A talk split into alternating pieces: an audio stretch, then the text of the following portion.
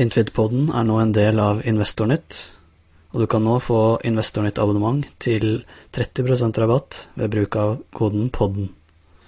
P-o-d-d-e-n.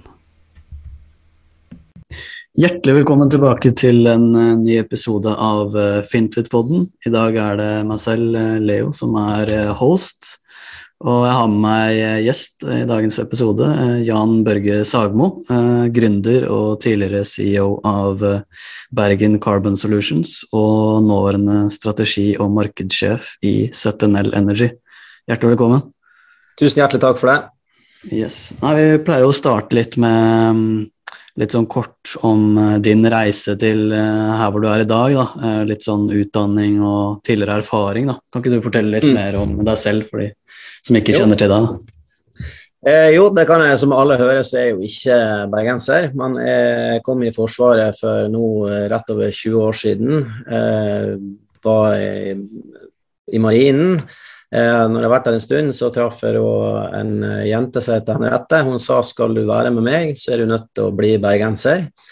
Og det, sånn er det jo en gang. De er jo glad i byen sin, disse bergenserne. Og jeg har jo nå blitt patriot etter hvert, da, etter mange år. Eh, i, jeg ble jo gift med Henriette. I 2010 så fikk vi tvillinger. Eh, og jeg jobbet da som eh, leder i forskjellige typer bransjer. Eh, I 2013 så skulle vi ha tredjemann. Da var det si at vi hadde tre barn under, under fire år, og min kone sa vet du hva, nå eh, må du få deg en åtte til fire-jobb. Dette her går ikke døgnet rundt. Så tenkte jeg at ja, eh, olje- og gassektoren, utdanner skal utdanne meg til kjemiingeniør med fordypning i prosess inn i olje og gass, godt betalt, åtte til fire, kjempegreier. Så kommer vi til 2014, og da største oljekrekket noensinne er en realitet. Flere tusen ingeniører mister jobben sin. Eh, man kunne jo selvfølgelig lagt seg ned begynt å grine og tenke at dette var dumt. Eh, det gjorde vi ikke. Så meg og en heter Finn Blutz Svendsen og en heter Adam Joshua Armstrong, vi hadde da en bacheloroppgave der vi skulle se på muligheten til å produsere karbon nanofiber av CO2. Først tenkte vi å lage fast karbon, men vi så det at vi produserte faktisk karbon nanofiber av CO2. Det er et produkt som er 100 ganger sterkere enn stål, lettere enn plast, og det er strøm bedre enn kobber. Så dette var ganske unikt. Eh, Det fantes to kommersielle måter å lage karbonanofiberne på. Det ene var å bruke elektrospinning, det andre var kjemisk dampavsetning. Dette var ganske tunge prosesser og hadde opptil 600 kg CO2 per kilo produkt. Vi så også at prisen på produktet var veldig bra. Så en par dager etter at vi var ferdig med å forsvare oppgaven, så startet vi Bergen Carbon Solutions.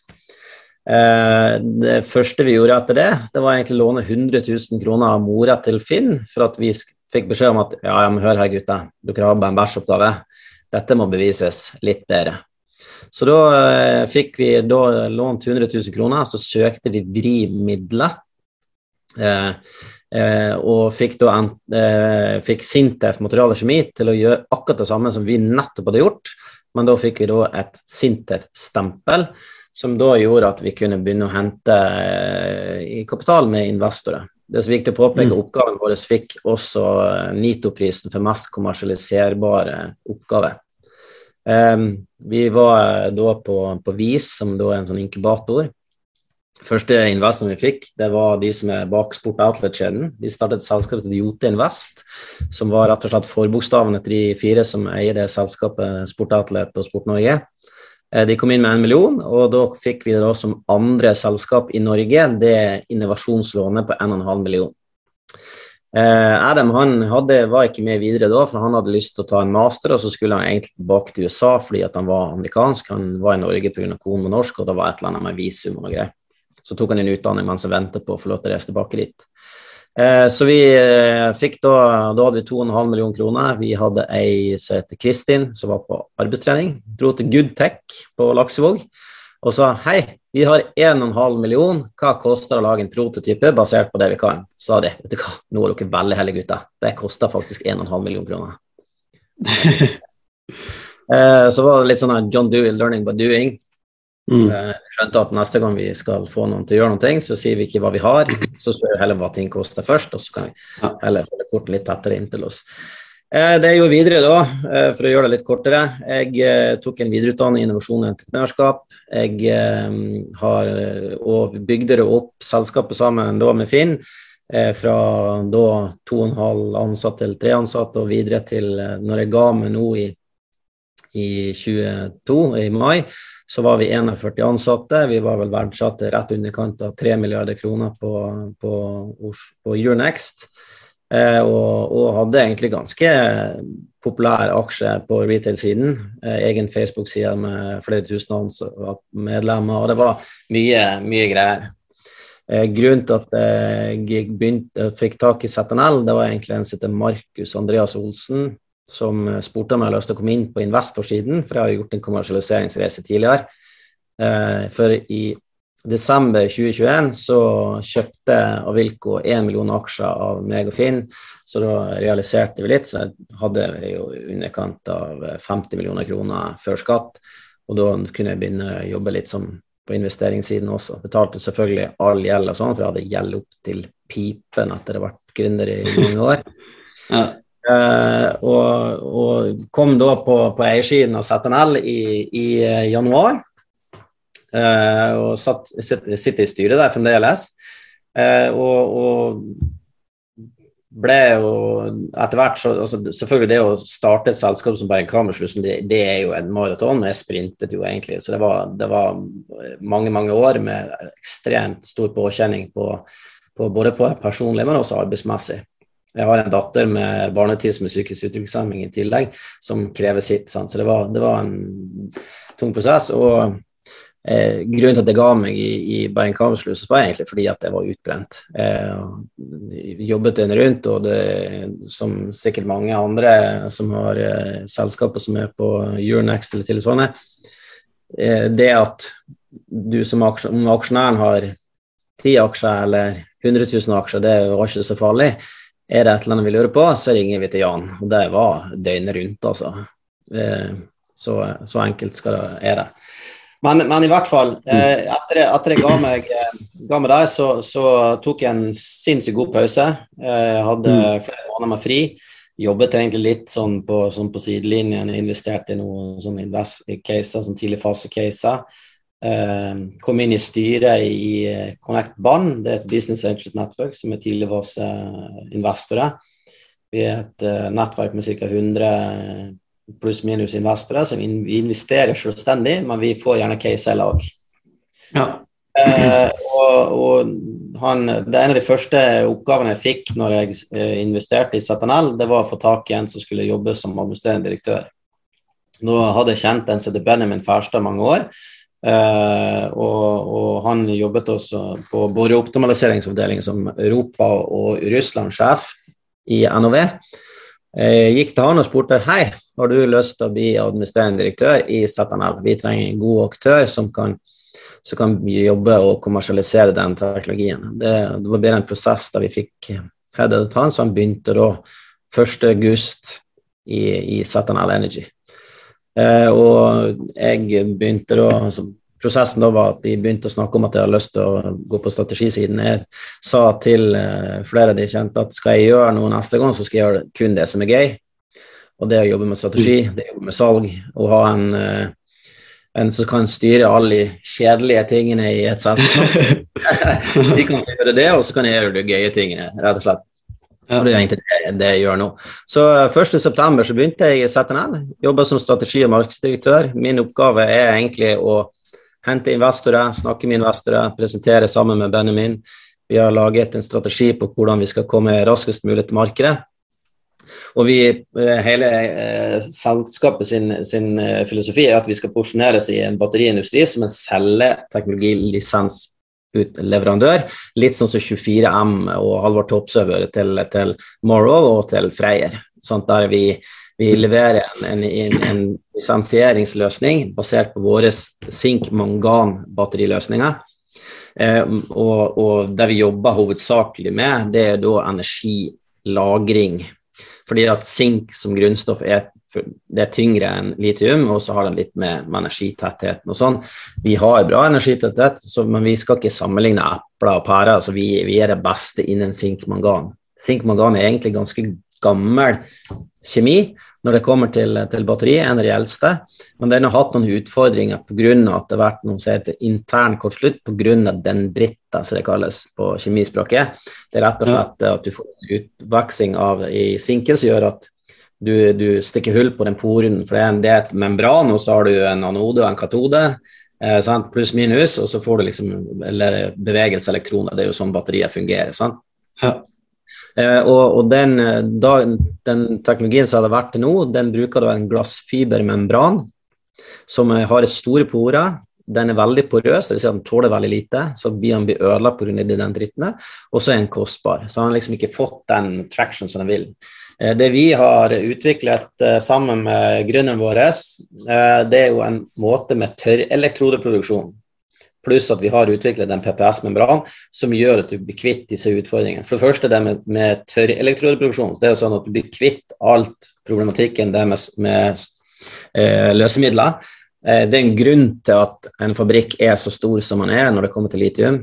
For det første så er det jo at du lager jo du blander løsemidler i, eh, med, eh, som en type slurry, og så limer du det på en film. Og dette her må jo da fordampes og tørkes i etterkant. Sant? og da må du ha varme og du har fordampningsprosess, pluss at du må ha veldig veldig, veldig gode ventilasjonsanlegg, og du har veldig sånn type sånn månedrakt. Du har sånn, sånn, rett og slett green, altså helt, helt ren romsteknologi, så du må ha veldig, veldig store lokaler. Eh, det med tørrelektrodeproduksjon er jo ikke noe nytt sånn sett. Eh, det er et Maxwell, et selskap som, som, var med og utviklet dette basert på, på, litium. De blir jo kjøpt opp av Elon Musk og Tesla. De tok tørrelektrodeproduksjonsteknologien ut, og så solgte de resten av uh, Maxwell tilbake til uh, de tidligere eierne. For det var liksom det de var ute etter. Og Musk sier at dette er en engineering problem. De har ikke løst det helt ennå når det kommer til litium. Det har vi løst med, med, med, med sink. Ja. Og dette, ja, så det Altså det, er vel, det er jo litt, Jeg så leste litt om de sinkebatteriene, da. Det er vel litt også sånn eh, brann eh, Det er som eh, elbiler og sånn. Hvis man skal benytte sinkbatterier, da, så er det jo sånn at eh, brannfaren er ikke like farlig da, med slike sinkbatterier. da. Det er riktig. Altså, altså ja. vi, vi, kommer jo, vi, kommer jo, ikke til å jobbe med mobilitet. Altså, vi kommer til å jobbe til mm. energilagring. Det som er viktig ja. å påpeke, det markedet ligger i år på ca. 12 milliarder dollar, og Rystad Energi at det skal opp til 30 milliarder dollar. Ser du man på det som skjer i Europa nå, der man går vekk fra Putins gass og skal elektrifisere eh, Europakontinentet, så er det mm. ikke og bare i universet så kan du kunne ta den. For strømnettet er ikke dimensjonert til det, fordi at de har alltid brukt gass til oppvarming og til matproduksjon. Og hvis de skal gå over til strøm, så er det veldig, dårlig nødt av energilagringsprinsippet. Eh, så, så, så, men, men, ja, det med litium har en problem når det kommer til HMS, det er det ingen tvil om. Du, det er både mm. sparkesykler og det er biler. og Greit, nå var det ikke en elbil som begynte å brenne i, på parkeringsanlegget på Sola i Stavanger. Men mm. det var mange elbiler der, og parkeringsanlegget nesten smelta. Eh, du hadde den båten som skulle til USA med disse Porschene. De sto og så på den i tre dager. De kunne ikke gjøre noen ting. altså det fordi du får rett og slett ikke trukket det. Så det, det, det brannvesenet gjør i dag, hvis det er en elbil begynner å brenne, de løfter den opp og så legger de den i en container full av vann, og så står de og venter på at den skal brenne opp. Det har ikke du med våre sink-manganbatterier. Det er jo én ting, og det eksploderer heller ikke. Det samme som er bra med våre batterier, det er jo det at vi har ingen sjeldne materialer. Sant? Sink får du tak i overalt. Det er, det er abundant materiale, dvs. Si at det er til, tilgjengeligheten uansett. Vi bruker ikke kobolt fra Kongo eller, eh, og sånne type ting, som gjør at vi har muligheten til å kunne få tak i materialene som Boliden f.eks., eller Glencore, eller sant? Så, det, så det, vår tanke med dette er jo egentlig rett og slett at uh, vi uh, f.eks. ser på uh, Inflation Reduction Act til Biden, der han sier at det kommer store skatteinsentiver hvis du kan produsere lokalt og bruke lokale råvarer og lokal arbeidskraft til dine. Så vi sier at andre europeiske og kinesiske eller asiatiske elbiler det vil ikke være lønnsomt for de å selge til USA pga. akkurat det, fordi at amerikanske elbiler får så sinnssyke skatteinsentiver fordi at de produserer lokalt. Og hvis vi mm. kan si at ok, men vår lisenskunde kan produsere disse batteriene som vi har lisensteknologien på, i USA, bruke sink fra USA, bruke mangan fra USA, bruke lokal arbeidskraft fra USA, så får man de samme insentivene. Eh, og Da kan man selge til kundene, som gjør at de favoriseres. Sant? Det er jo samme med European Battery Alliance. Det samme skjer nå. Den geopolitiske situasjonen som vi er i verden nå, gjør at vi ønsker rett og slett å sikre oss sjøl, kontra at vi har en globalisme som vi hadde før, der alt skulle liksom spres over helt. Nå vil vi helst ha passe på våre egne ting, og det er jo den politiske situasjonen i, i verden som er nå. Sant? Ja. Det som. Så det er litt av det, da. Mm. Eh, hvis vi går tilbake til eh, Vi kommer tilbake til ZNL eh, etter hvert, men eh, hvis vi går tilbake til Bergen, eh, Carbon Solutions, da. Eh, mm. hvordan, hvordan, finansierte dere på en måte den oppstartfasen fram til børsnotering, og hva var det som gjorde at dere ville børsnotere? da? Nei, altså det var, det var, jo flere grunner til det. Eh, det første vi gjorde, var jo å få Jote Invest kom jo inn med én million, og så brukte vi halvannen million i oppstartslån av Innovasjon Norge. Eh, og så kom BKK Grønn Invest, nå heter de jo Eveny Venture, de har jo bytta navn. De kom inn på eiersiden. Eh, og, og, de bistår jo med flere ting. Vi hadde jo kontorer hos PKK den tiden en stund. Eh, det neste var at NCD Dag Skansen, som eh, da var eh, en av lederne i banen, de prøvde å komme inn tidligere, eh, da av respekt for Jote, for det var vi hadde nettopp hentet penger, så sa vi nei til de den gang. Men vi holdt kontakt med Dag, og, og vi leide da inn Dag egentlig til å, til å, å være med og bistå til å hente kapital i neste runde. Eh, da hentet vi ca. 16 millioner kroner tilbake i, i 2018. Eh, da fikk vi en del gode eiere på, på bl.a. BIR på eiersiden. For vi hadde jo vist at konseptet fungerte. Selvfølgelig, det var en prototype. Du må iterere, du må gjøre pivotering, må endre litt. Sånn, sånn. Vi viste proof of concept, og da skulle vi liksom fikse og skalere og ordne den, sånn at vi kunne gjøre neste prosess. Eh, og i i 2020 så skulle vi hente Styret bestemte i 2020 at ok, nå skal vi hente penger igjen. Eh, og da eh, tok jeg kontakt med None Securities og, og, de, og spurte om de kunne bistå. En av de første tingene de sa til meg når vi skulle hente penger, det var at du er nødt til å være synlig. Eh, og dette mm. er vel egentlig ikke offisielt, da, men, men da ja, du vet, Har du sett gründerintervjuet i Finansavisen? Det er jo ei som har en sånn, hun intervjuer forskjellige gründere. Ja. Mm. Og og da eh, sto jeg på Flesland, og så ringte jeg til henne og sendte melding at hva, hvis du har lyst til å intervjue meg i Bergen Carbon Solution og grunnet dette her, så er jeg i så er jeg Østlandet hvis du har lyst til å treffe meg.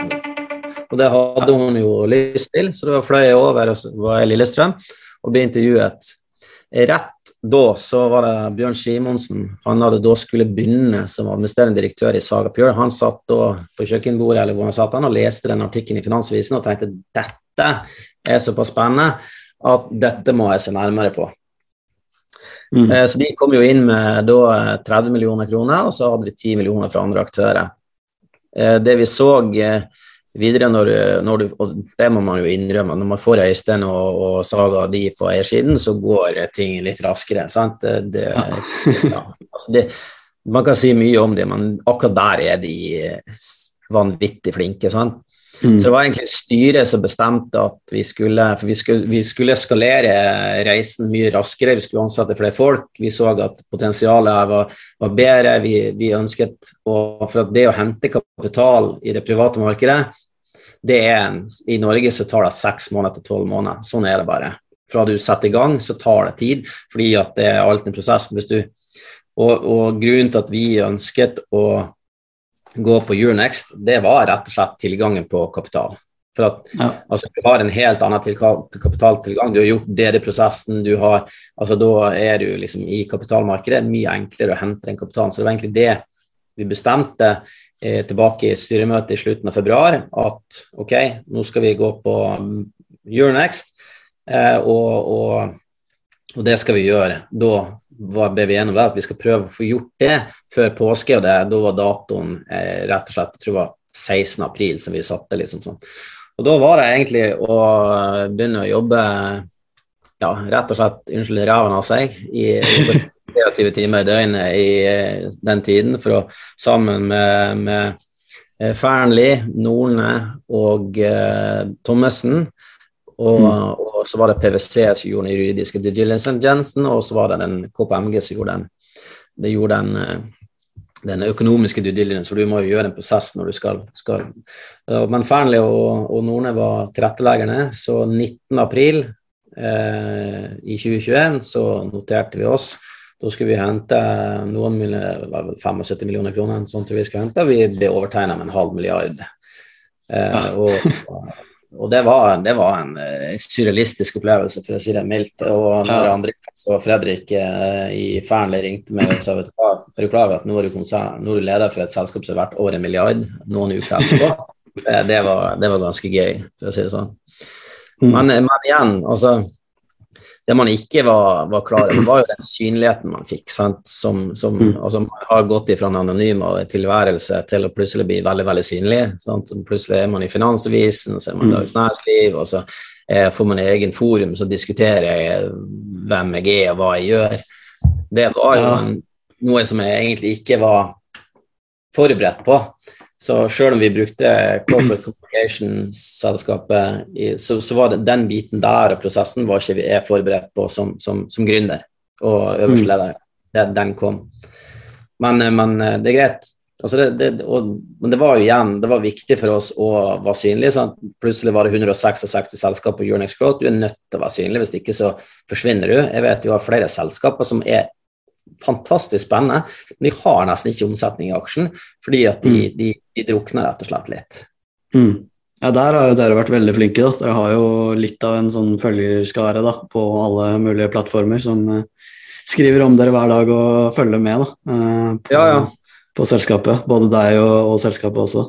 Men uh, mm. hvordan var det å gå fra, fra helt anonym til å plutselig at flere tusen folk følger med på hva du gjør? Så å si hver dag? da?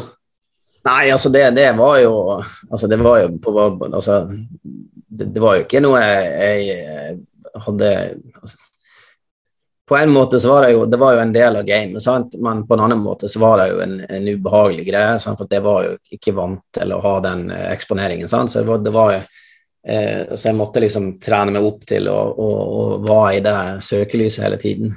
Mm. Eh, og for det, jeg er ikke skrudd sånn at jeg slår av. Altså, sånn er det når du er gründer. Du er alltid på. Altså, du syns det er gøy å jobbe, og du bare jobber jobber. jobber. Men det, men det å, å, lære seg å faktisk ikke svare telefonen og ikke være tilgjengelig, det var noe jeg måtte gjøre etter hvert, for at telefonen sto jo ikke stille. Altså, mm. Alle var jo supereksperter på, på, alt, og alle ringte om alt. Og, og, og uansett hvor jeg var, eh, så så folk meg. Det var jo to episoder som var litt spesielle. Den ene var jo vi var i, når vi diskuterte den fabrikkløsningen i Mosjøen. Jeg er opprinnelig fra Mosjøen sjøl. Ja. Eh, og så var vi på Fru Haugans, det er et bitte lite hotell. Jeg tror det var meg og to-tre kollegaer som satt der, og så var det kanskje noen til på ett bord. Eh, og hva gjør man når man er på tur? Jo, man tar seg et glass vin, og så har man det hyggelig og sånt, etter middag og prater litt. Og så kommer det da opp i forum ja, Jan og ledelsen skåler med høye statcross, nå kommer det sikkert superbulle nyheter. sant? den, var, den, den, var, litt spesiell, for å, for, for å si det sånn. Det, det, den så jeg ikke komme. Og da tenkte jeg ok, nå må jeg være ekstremt forsiktig med mm. hva jeg gjør. Altså, du, du, du, du kan, altså, du kan liksom ikke ta den den typisk helgefylla på, i, med kompisene lenge. Nei. For det er alle som ser det. Sant? Og jeg gjorde jo ikke det heller, sånn sett da. men være, man merket jo at man måtte være ekstremt forsiktig uansett hvor man var hen, for at du hadde øye på deg. Ja, uh, og så nå er du jo uh, tredje største investor i Bergen Carbon. Um, mm. hva, hva, er dine tanker videre der som, som investor, da? Nei, altså det, altså det, er jo ikke sånn at jeg mista troen på selskapet. Grunnen til at det ga meg, er jo rett og slett pga. utbrenthet og sånne type ting. Så får man jo se eh, hva som fremtiden bringer. Jeg har vært åpen på det hele tiden at eh, i, selv om lockup-avtalen min som jeg har med, med Avilk går ut nå i desember, så skal jeg heller ikke selge aksjer nå i desember. Altså det, det, skal jeg ikke.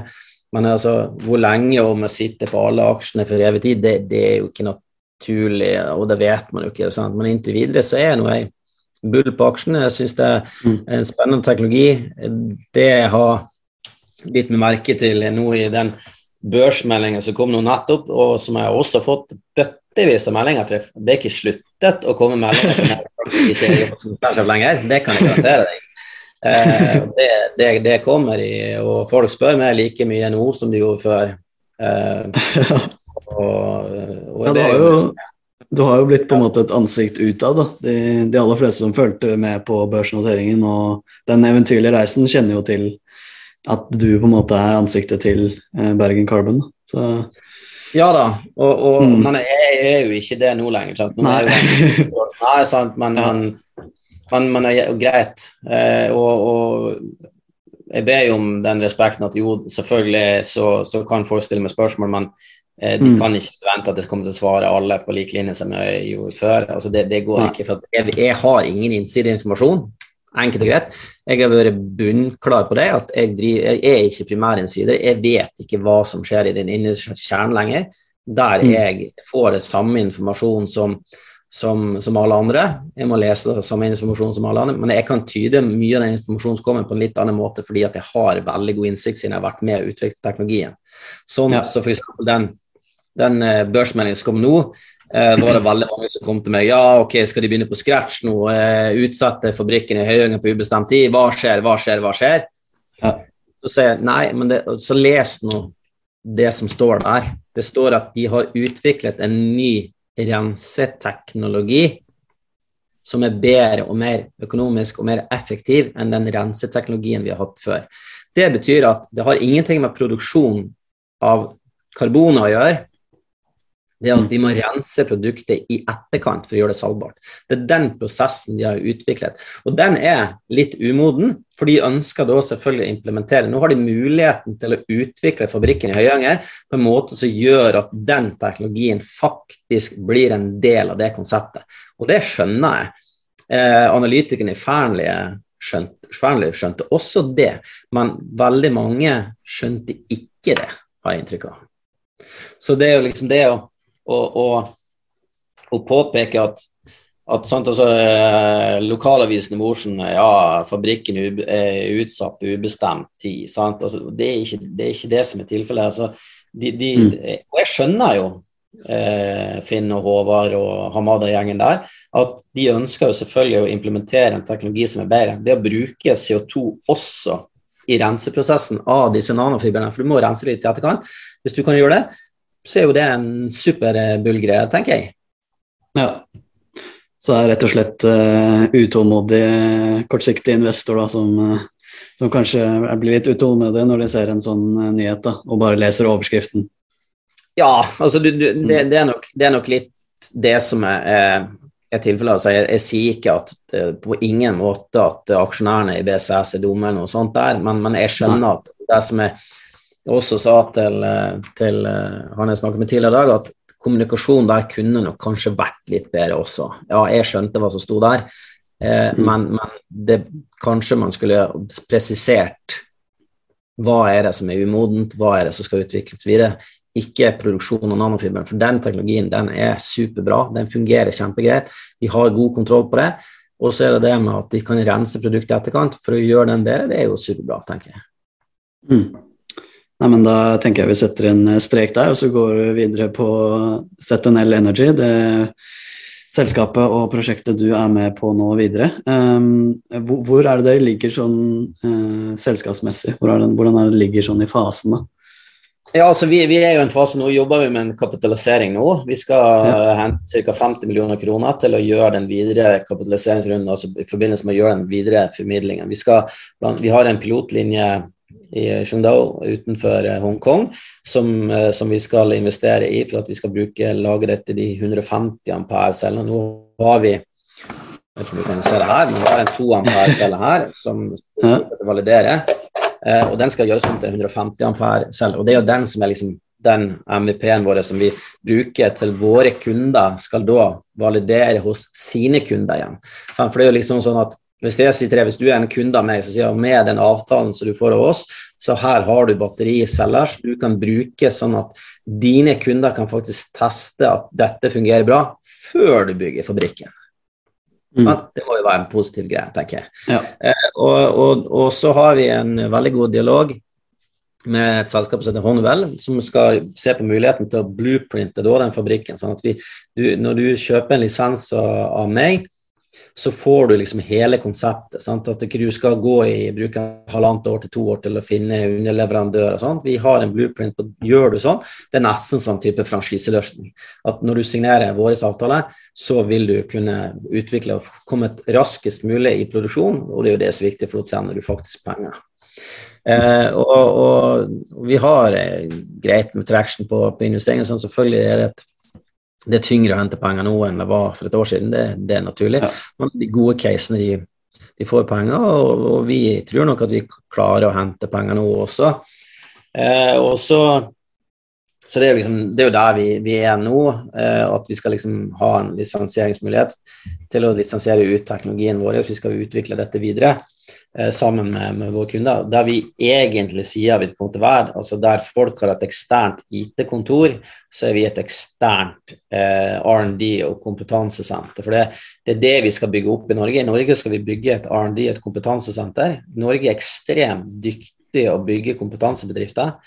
Eh, vi skal bygge det opp i Norge. Eh, vi, skal ikke, vi, skal ikke, bygge eh, svære fabrikker og bruke milliarder på det. Det kan de som har lyst til, gjøre. Eh, se på Freyr og Moro, så skal jo de bruke noen kroner på disse fabrikkene. Vi skal mm. heller eh, raskest mulig til mål, men det er viktig å påpeke at de fabrikkene som våre kunder skal produsere, vil være langt nær så kostbare eh, som, eh, som f.eks. disse gigafactoryene som de, som de produserer. Mm. Så det, det, er der vi, vi egentlig er nå, da. Uh, vi, vi, har uh, en bevist teknologi, vi har en bevist kjemi. Vi er, sånn som vi ser det, den beste løsningen når det kommer til sink, mangan, altså den type kjemi på energilagring. Og, og, det vi gjør nå når vi henter penger etter vi henter penger, så skal vi fortsette å begynne å, å, å kapitalisere opp. Vi skal jo investere i litt i denne pilotlinja i Kina. Vi skal hente ansette noen folk, bl.a. en CTO og en prosjektleder og begynne å bygge opp den uh, målsettingen. Så, så, er det jo en videre kapitalisering opp, sant? Om, gjør, eh, om det blir en IPO eller om det ikke blir en IPO. Det får vi gjenstå å se. Men, og det kommer jo også litt an på hvordan markedet ser ut framover på, på, den type greier. Men, men uh, målsettingen er nok at vi skal ha en god traction, og, og, og som jeg har sagt, jeg skal ikke bruke seks år på dette. Dette skal gå mye kjappere, for nå vet jeg. Og han Benjamin Færstad, som er CEO, ja. han er en utrolig oppegående og flink fyr. Eh, han eh, jobber jeg sinnssykt godt sammen med, og vi har et bra styre med Markus. Og, og Dag Skansen sitter jo også, han er jo også medeier. Han som var styreleder, tidligere styreleder i Bank så han er jo med. Og Finn Britt Svendsen er også en eier i dette selskapet her. Så jeg har med mm. meg et sinnssykt kompetent team som har vært med på en reise ja. før Sånn at dette her er noe vi, vi får til, rett og slett. Ja. ja. Hvem, er, hvem, er, det du ser for deg at kan være fremtidige og potensielle kunder? da? Hvilke, er det større selskaper, eller er det Ja, altså det er jo egentlig det. sant? Altså, altså mm. For eksempel, altså, altså, For å sette på spissen, da, uten at ja. vi har noen dialog med de, så, så kan eh, altså Morrow kunne vært en kunde, Freyr kunne vært en kunde. Eh, andre typer selskaper som ønsker å produsere disse batteriene, cellene, og, til, til, sine kunder, er jo kunder. Og, og, og vi jobber jo bl.a. Med, med å se på muligheter. Sånn, så en av de eh, det er mange selskaper vi kunne jobbet med, men det er litt sånn større aktører. Vi, altså, der vi ser på hvordan vi eh, ser på lisensieringsløpet, det er at du får ikke lisens for hele verden. Du får f.eks. For, for Europa, skal du ha i USA, så må du gå inn i en ny lisensavtale. Skal du til Asia, så må du ha en ny lisensavtale. Skal du til Australia, så må du ha en ny lisensavtale. Sånn at Det er ikke sånn at det er ikke en sånn one stop show go der du liksom får én lisens. Ok, lykke til. Dette vi kommer hele tiden til å, å, jobbe med en måte til å bygge opp et kompetansesenter. Dvs. Si at vi kommer til å jobbe sammen med våre kunder hele tiden. Så det blir liksom eh, Energy Storage as a Service istedenfor at det blir en eh, lisensløsning. Sånn og det er også en license as a service. At vi, våre lisens har vi en hele tiden traction med våre kunder. Vi har en dialog med våre kunder som skaper da en, en lojalitet uh, til våre kunder. Samt at du for eksempel, jeg regner med, du har sikkert en smarttelefon, kanskje har du Apple også. Eh, og, og du kjøper jo ikke en ny operativsystem hver gang det blir en ny operativsystem. Det får du faktisk bare tilsendt, og det er gratis å laste ned.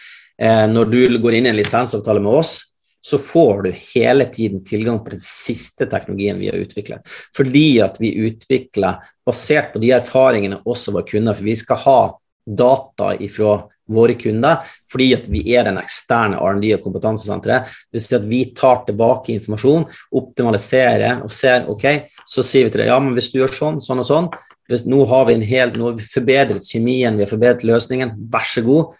Dette er, for Vi ønsker da lisens per eh, gigawatt eller kilowatt produsert, sånn at det er en sånn type løsning, istedenfor at de betaler for å si en million, og så får de en lisens. Her betaler de per, per eh, gigawatt eller kilowatt de, de produserer. og så Jo mer de produserer, jo mer tjener vi, jo mer tjener også de. Sant? Men vi alle sammen har en enighet om at dette er bra, for tjener de penger, tjener vi penger. Utvikler vi en bedre teknologi som gjør at de tjener mer penger, så tjener vi også mer penger. Mm. Det, det høres ut som en høres ut som en lett uh, skalerbar modell da dere har sett for dere fremover der. da. Det er akkurat det som er, og det er jo skalering. Altså skal du skalere, så må du, må du gjøre dette raskt, eh, og du må gjøre det fort. Eh, og, og, og, når man har en såpass god teknologi som vi har, sant? og vi har gjort masse, altså det som er viktig å påpeke, at dette her er forsket på. Vi har kjørt mange tusen Altså den cellen her som du ser her, den er jo da eh, testet med 2000 sykluser med 100% utladning og 100% oppladning. Det går ikke an med litium, for da ødelegger du batteriet. Eh, da har vi, og da ligger vi da eh, med, med åtte ganger av den kommersielle batteri, altså løsningen som du har. så det vil si at eh, og da har vi fremdeles over 85 kap eh, kapasitet på batteriet. Vil si det er bransjestandard at etter 2000 sykler eller 1500 sykler så skal batteriet være over 85% sant? Det er jo det du, de lover. sant? Eh, og For å forklare litt hva som skjer hvis når batteriene blir dårlige vet ikke, Har du hatt en smarttelefon såpass lenge at når du lader den, så blir den veldig varm? Ja. Og så lader den veldig fort. Ja, da er det kapasiteten på batteriet ditt som begynner å bli dårlig. For det, motstanden i batteriet blir større og større. For det blir dårligere og dårligere eh, kapasitet på batteriet. Eh, og med våre batterier så har vi jo selvfølgelig med 2000 sykluser, vi har fremdeles over 85% Det vil si at vi kan kalkulere ut en livstid basert på det. Det sier at med der du sier at okay, du har en nominell oppladning på en syklus på, på 70-90 det vil si at du kan lade opp batteriet to ganger i løpet av det tar sånn, det har med, eh, På et regoneplott så ser man at det har med liksom C-verdien. Altså vi, inn- og utladning tar ca. ti timer, det vil si at du kan gjøre det to ganger i løpet av et døgn. Sant?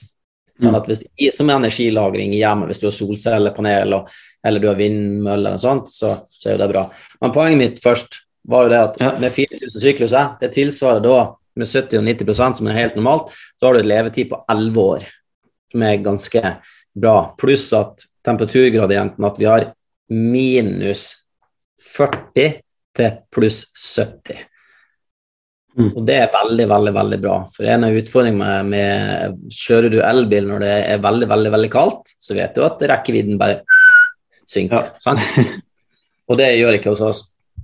Eh, så, det, så det, det, er jo der vi, vi ser sant? Altså vi, vi, har en batteri som, som, har lenge. Når det kommer til, så, så, det, så Vi har en veldig skalerbar plan pga. batteriteknologien vår er veldig veldig god. og Derfor kommer vi også til å være veldig veldig rask mot markedet, fordi at vi har en moden teknologi. Gründerne forsket ti år på dette. Et, han begynte i 2012 forsket i 2019, så hadde en sånn Eureka-greie sånn som vi hadde i Bergen Campus i 2016 og dette er superkult. Nå skal det, og, og sånn at altså Selv om vi startet opp selskapet i 2020 og vi kom inn på eiersiden, så, og selskapet ser ungt ut hvis du går på proff.no, så er det en veldig veldig moden teknologi i ZNL som gjør at for Vi kom jo inn på eiersiden og startet selskapet for den teknologien her skulle da kommersialiseres. sånn at vi er moden sånn sett, og derfor er det vi skalerer såpass raskt vi gjør og henter de pengene vi gjør nå. For vi vet at okay, hvis vi henter den kapitalen her, hvis vi gjør dette vi har planlagt nå, så vil dette selskapet eh, få vinger og komme til å fly ganske heftig framover. Mm. Eh, hvordan, eh, når det gjelder kapital og innhenting av det, hvordan er det dere planlegger å gjøre det? Er det gjennom emisjon? Kan det være en børsnotering? Kan det være en crowdfunding, kanskje? Eller hva, hva er det du har sett for deg? Nei, altså Nå, nå gjør vi en emisjon, eh, mm. og, og, og, vi har selvfølgelig altså, Ole Bernhard og Stine i Dealflow de har kontor i samme lokal, så jeg sitter i. Ja. har jo hatt en dialog med de, men, men vi akkurat denne runden her så, så, gjør vi en emisjon. Eh, og, og, og, jeg har jo et ganske solid nettverk på, på investorsiden basert på disse ja. samtalene har gjort. Så, så, så det, det, er egentlig det vi har hovedsakelig. Vi bygde den strategien vi skulle ha, og så bygger vi opp noen hvem vi skal snakke med investorer. Og, og nå er vi liksom i, i, noen Nå er vi i sluttfasen på noen av de diskusjonene vi har hatt med, med store, gode investorer som, som har lyst til å komme på eiersiden. Når det kommer til videre kapitalisering, så, så har jo det vært skissert en mulighet der man gjør nå en, en pri-IPO en eller annen gang i, i 23, og så gjør man da en IPO med kapitalinnhenting både på pri-IPO-en og en på IPO-en. Om det blir i slutten av 23 eller 24, eller om vi gjør en IPO, eller om, om det, annet, altså, det kommer litt an på, på hvordan instrumentet på markedet fungerer. Altså, det er jo også en, en vesentlig greie at ja, vi skal ikke bare gjøre en notering for å gjøre en notering, det skal jo være pga. at det er naturlig å gjøre en notering. sant? Mm. Eh, men, men uh, og det kan godt hende at, uh, at også en type crowdfunding eller en folkefinansiering eller en dealflow blir en del i neste runde. Det vet jeg ikke. Eller det kan godt hende at vi snakker med Norne eller Fearnley eller andre typer byråer som har lyst til å hjelpe oss. Ja. Men, men, men, men, vi har nok Det er jo tilgangen på kapital som er det viktigste. Sant? Og mm. eh, personlig så har jeg lyst til å, å gjøre en IPO. Jeg syns det er veien å gå, for du har en helt annen tilgang på kapital. Du kan skalere mye raskere, som jeg sa, som var hovedgrunnen til vi gikk inn på Unext sist gang. Men, men forskjellen er nok litt at timingen må være riktig. Det, det, det, det, er jo en vesentlig greie, og, og, og forretningscaset må være klart for å gjøre den prosessen. Ja. Eh, hvilke utfordringer er det ZNL Energy kan møte på? Er det noe eh, ja, er det noe du kan se for deg komme inn i fremtiden som kan, kan være en liten utfordring? Altså det, det, altså det, er jo det geopolitiske. Var, altså hvem hadde forventa at det skulle bli en krig i Europa? sant? Mm. Uh, Ukraina-krisen, du har fraktkrise, du har mange typer kriser. Uh, du har altså En ting som jeg sa hele tiden i Bergen Carbon Solutions før jeg visste om covid, du må alltid planlegge for den usikkerheten som kommer rundt hjørnet. Selv om du ikke vet om den, så må du vite om den. Sånn at det hele tiden å ha Eh, eh, å ha muligheten til å snu seg raskt, det er jo det som er en, en av fordelene med å være et lite selskap kontra et svært altså konsern. Da, da, er det vanskelig å snu. Så det er jo hele tiden å, å, å, passe på hva som skjer foran deg, og ta disse forutsetningene at du kan, hvis det skjer, f.eks. hvis verden plutselig stenger ned igjen, gud forby at det skal skje, så er jo det en, en utfordring som vi så og så mange har sett. Det er det at uh, inflasjonen frem, fremdeles at det, det, det, er vanskelig å hente kapital i markedet. Uh, det er en utfordring. Uh, og så er det jo sånn at det, Og det er jo innforstått med at ting tar tid. Sånn er det bare. Det kommer til å oss også. Vi har en forventning om at det skal gå så raskt. Så gjerne går det litt lengre tid, men, men sånn er det. Eh, og så er det jo den andre utfordringen som vi ser, det er jo å, å få tilgang på gode mennesker. Altså det, det, å skaffe ansatte i dag er ikke like enkelt, for det er et arbeidstakersmarked. Eh, for det er så mange. Sånn som nettopp LO og NHO eh, gikk jo ut og sa at de mangler mange, mange tusen ansatte for å komme inn i det grønne skiftet. Sant? Det med, med, havvind, med vindkraft, med solcellekraft, altså alt det som skjer på det, på det, grønne, det er jo en av de utfordringene man ser sant? som har vært eh, vanskelig. Mm. Eh, så det er jo sånne typer utfordringer som, som, som, er liksom store politiske, liksom sånn vanskelige Makrohendelser. Ja, ja, ja, riktig. Som, er, som er, kan være utfordrende. Sånn. På, på, på teknologisiden så føler egentlig vi har ganske god kontroll på det som foregår. Uh, og, og, mm. og, og, det har jeg egentlig tro på. Sant? Og det var som han ene bok hva hadde gjort da, så sa jeg at ja, du har jobbet 100 ganger raskere Og det er jo egentlig det som er litt av caset. Ja. Og så litt uh, avslutningsvis så kan vi jo gå over på det du også driver med litt på siden Da. Du, jo, du investerer jo, du er jo en investor uh, nå også. Ja. Uh, hva er det du ser etter i selskaper du investerer i privat? da? Jo, altså, og, og det, er jo, altså, det, er jo, flere ting. Blant annet så er jeg jo investor i Healthy Eats, eh, og der er det jo team sant? Eh, med Vilde i spissen. Eh, hun er jo ekstremt synlig, utrolig flink å markedsføre seg sjøl. Eh, og, og, igjen så, så, er det liksom Hovedsakelig det jeg ser på, det, det er teamet. Sant? I begynnelsen av selskapet så er teamet det er liksom selskapet også. Sant? Altså det, det, det, det skjønner jeg. Eh, og, og, og at, eh, at, løsningen er, er god. Du, du, må ha Altså Om ikke du som gründer har eh, det kommersielle genet, så må du ha noen i teamet ditt som har det. For at uansett, du kan ha verdens beste produkt, men hvis du ikke klarer å få det ut i markedet, så går du konkurs uansett. Ja. Så det, det, ser jeg etter. Så jeg har vært med i, og jeg ser jo mye caser. Sant? Noen eh, selskaper syns jeg er spennende. Sånn jeg har investert bl.a. i sitt i styret i et selskap som heter Norsk Karbonlagring. Syns jeg er spennende. Eh, sammen med, med, med, flere andre. Det er et spennende selskap. Eh, Safeback, som har med skredsikring å gjøre. Sånn det, det, er jo et behov eh, og en løsning som er ganske teknisk, men utrolig tøft at noen har funnet på. Eh, Tor og gjengen der er utrolig flinke.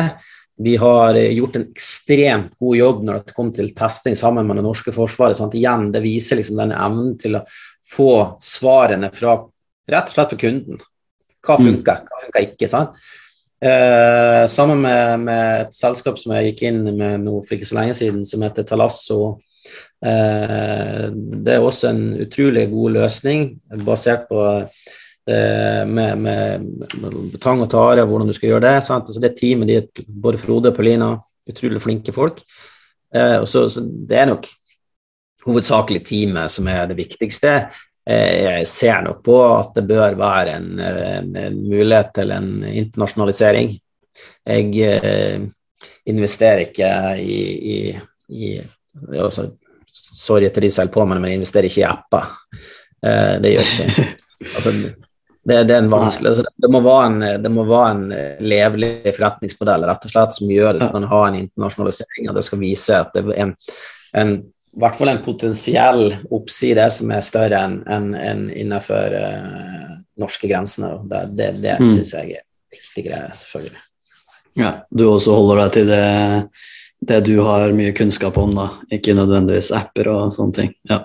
Ja, ja altså det, det, det altså, Vær ved din last, rett og slett. Altså det, det, det altså eh, Selvfølgelig jeg er åpen for å lære nye ting, men, men jeg syns det er viktig at, at jeg, jeg, skjønner hva dere gjør. Og selvfølgelig er, er teamet dritbra, så kan jeg selvfølgelig sette meg inn i det, naturlig nok. Da bruker jeg mye tid på det. Men, men ja nå er det så mange caser, sant? Altså, jeg får mange mange, mange forespørsler, så det, jeg må skrine veldig. Det, har ikke med, altså, det er ikke for å være arrogant eller være vanskelig å oppnå, eller sånt, men det, det, er rett og slett at man må prioritere. Ja. Jeg, jeg, er ikke investor på 100% altså det jeg jobber i ZNL. og dette her selskapet her som jeg, eh, jobber i, som med investorsiden eh, på siden av. Men, men, igjen så får jeg jo mm. veldig case pga. at jeg sitter i, da, i banen. Ja, og så et siste spørsmål før vi avslutter. Ehm, hvordan er det startup-miljøet er i Norge? Ehm, det er faktisk veldig, veldig veldig bra. Eh, Bergen har vokst opp og blitt utrolig bra, syns jeg. Det er mange gode selskaper som kommer opp her. Du har eh, mange selskaper som har blitt ganske store. Sånn du har Voicy, du har Adams matkasse, du har Askeladden har jo egen avdeling her som jobber med flere kule ting.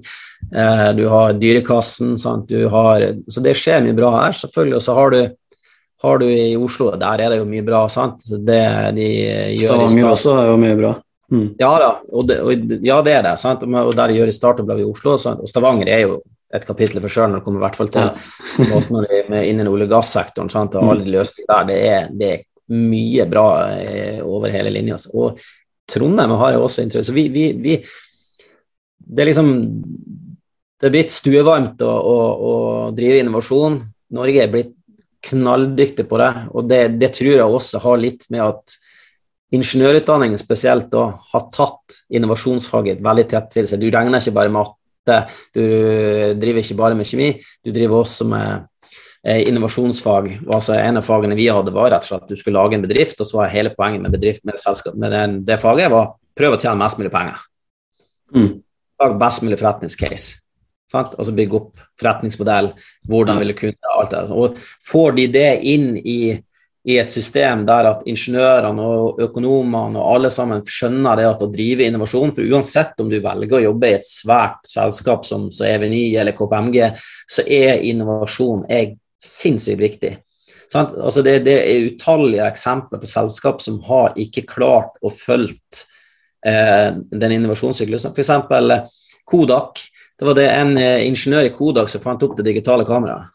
Ja. Det var en av verdens største selskapene kom til Kodak Moment. Sant? Det med de filmene, sant? De klarte ikke. Nokia, f.eks. De, de begynte med én ting, så gikk de over til støvler, og så gikk de over til mobiltelefoner. De klarte ikke den endringen fra disse Nokia-telefonene, så de hadde jo jeg tror det var 95% markedsandel på det meste. Og så bare klarte de ikke å følge opp når en smarttelefon kom. Sant?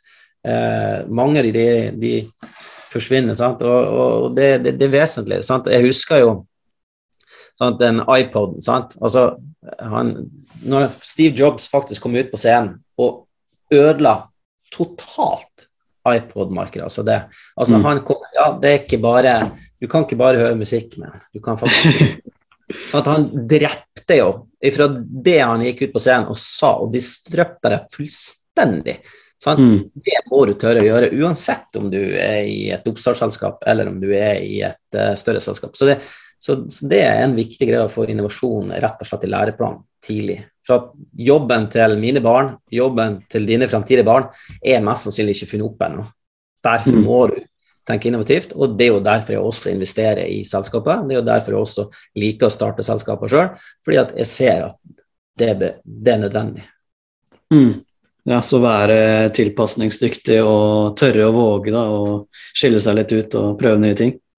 Ja, og så rett og slett tørre å spørre om hjelp. Ja.